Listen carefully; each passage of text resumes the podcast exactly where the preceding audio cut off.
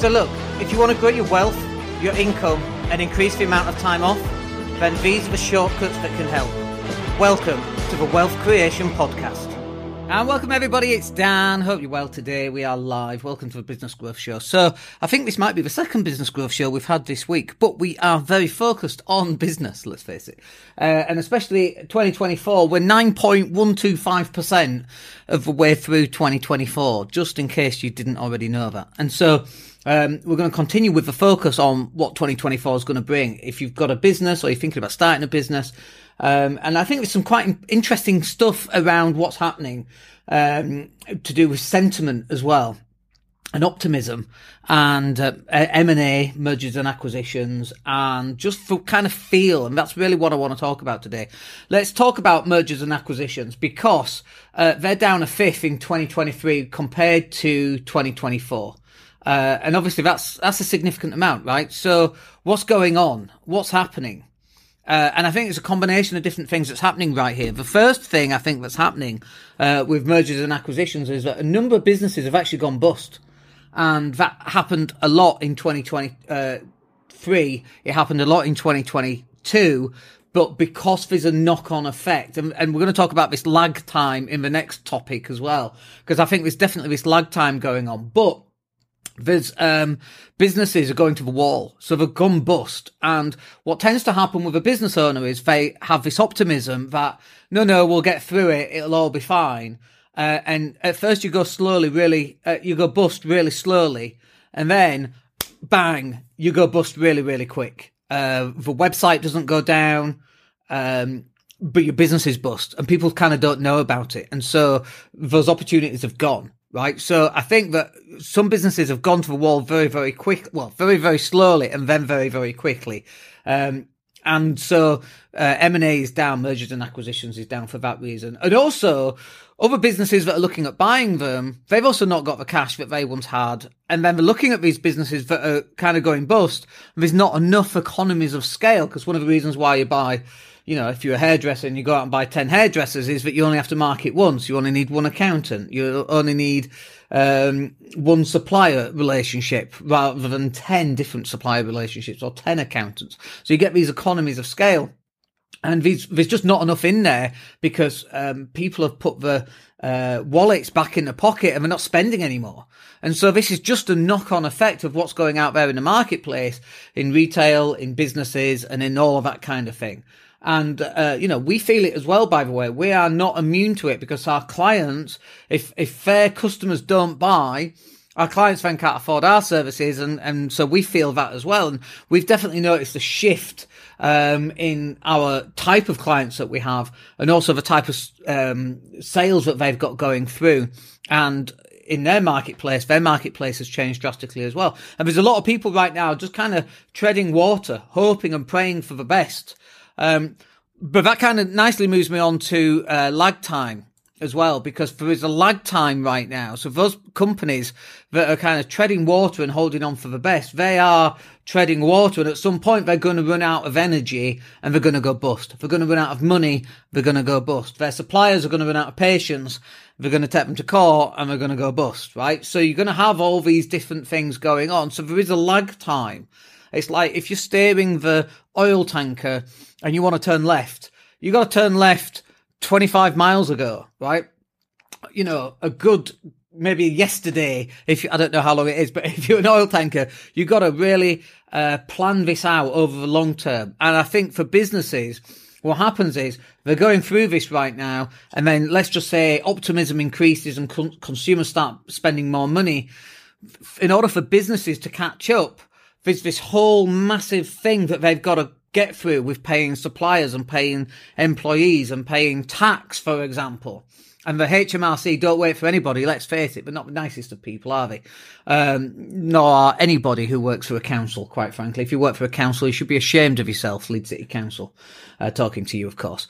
Uh, so there is this lag time between um, money coming in and, and customers spending more money and you then actually being able to go out and invest in your business, for example, or grow your business because you've got all these backlog of bills that you then have to pay. So there, there's definitely this lag time. And, um, you know, obviously there's an election this year. So if there was an election, I think that gives businesses more optimism for change because things are, let, us face it, not going great, are they? So um, we need change right now. And the change that we need is clearly a new government. And unfortunately or fortunately, it's going to be Labour, I think.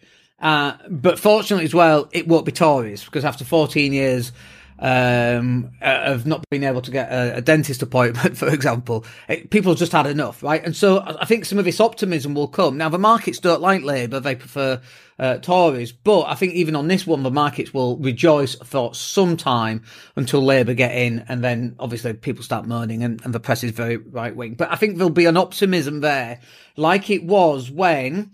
Blair got in back in 96 or 97, whenever that was, 97, I think there was this renewed optimism around the country. And I think not that Keir Starmer has the same uh, character as Tony Blair, but I think that there will be some new optimism. Whether you hate Labour or like Labour, I think that uh, the UK will be like, oh, thank God for that. Like you could put anybody in. I'd rather have Mr. Blobby in or uh, what's Rowan Atkinson's Mr. Bean. Let's put Mr. Bean in power because like or, or let's just get a chimpanzee to just just to you know pick random things because that will probably work better than the existing government that we've got. You know, so there will be an optimism there. And again, there is this lag time for this optimism to kick in for companies to generate more cash. But hopefully that will, you know, I think when people start seeing public services actually working again, uh, I think that will, that will help, you know. Um, so there's this lag time. And so there's some opportunities out there, I think, for 2024. Um, because of a lag time, because of the optimism, because of a change in government, the old government going out, the new one coming in, people uh, being able to spend a little bit more money, hopefully, um, uh, with this renewed optimism. And when they spend a bit more money, generates more taxes, and it also generates more cash flow flowing through. And so, you know, that then moves on to the next business and the next business and the next business. If you take that fifty pounds, it goes to the butchers and then it goes to the, uh, I don't know, the, the clothing shop and then it goes to, I don't know, the, um, Tesco's and then it goes to the bookies and then it, so it's the same 50 quid, but obviously it's generating tax on every transaction and then it's going through people's hands. This is the cash flow that's absolutely needed. And, uh, in times of contraction, the cash flow, uh, really stops, right? And so the tax um, taxation available to spend on public services that decreases as well, right? This is like you know year one GC, GCSE economics, right? So it's really basic stuff, but it's really important, and people kind of don't seem to grasp it. Um, but then it's going to get some opportunities, I think, for 2024. But if you're not in this position of people knowing who you are and knowing um, not just who you are, but who you are. What are you about? Are you a nice guy? Are you not a nice person? Do you help people? Do you not help people? What's your reputation? What's your values? Uh, uh, the people that you've helped, what have you done for them?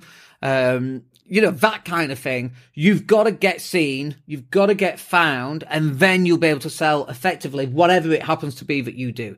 It might be property sourcing, or it might be mergers and acquisitions, or it might be selling what we sell, which is digital marketing services. We get seen, we get found, we sell effectively from our website and from our conversations when someone comes onto a strategy call with us. And so when this lag time catches up to what happens, which might be next year, by the way. If we have an election this year, might be May. I think we'll have a May election, quite frankly. Uh, but it might be October or November, right? Whoever knows. But this lag time is going to be next year. So now is the time for you to get out there and get found and get seen so that when the optimism comes back next year, hopefully it will, and maybe even later this year to, to begin, you've actually got to be in a position already to take that on. There's no point in waiting until next year and then going, oh, well, when it all picks up, then I'm going to start doing it. No, no, no, no, no, no. It's like, you know, if you're on a sinking ship, then is not the time to learn how to swim, right? You should have learned how to do that already. You should know how to go live.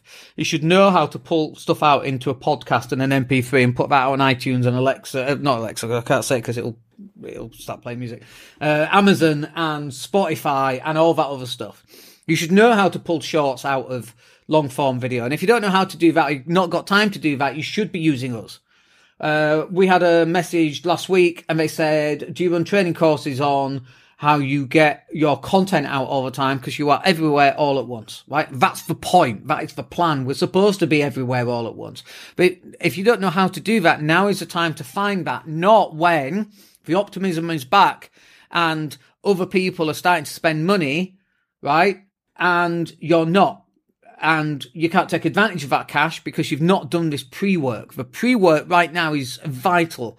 This is going to be the opportunity in 2024. The opportunity is, let me just outline this so there's no disparity here or no vagueness or fuzziness or out of focus. Your opportunity for 2024 is to get seen, is to get found and is to sell effectively. And, you know, when we take on a, a website client, we actually spend quite a bit of time going, well, what is it you sell?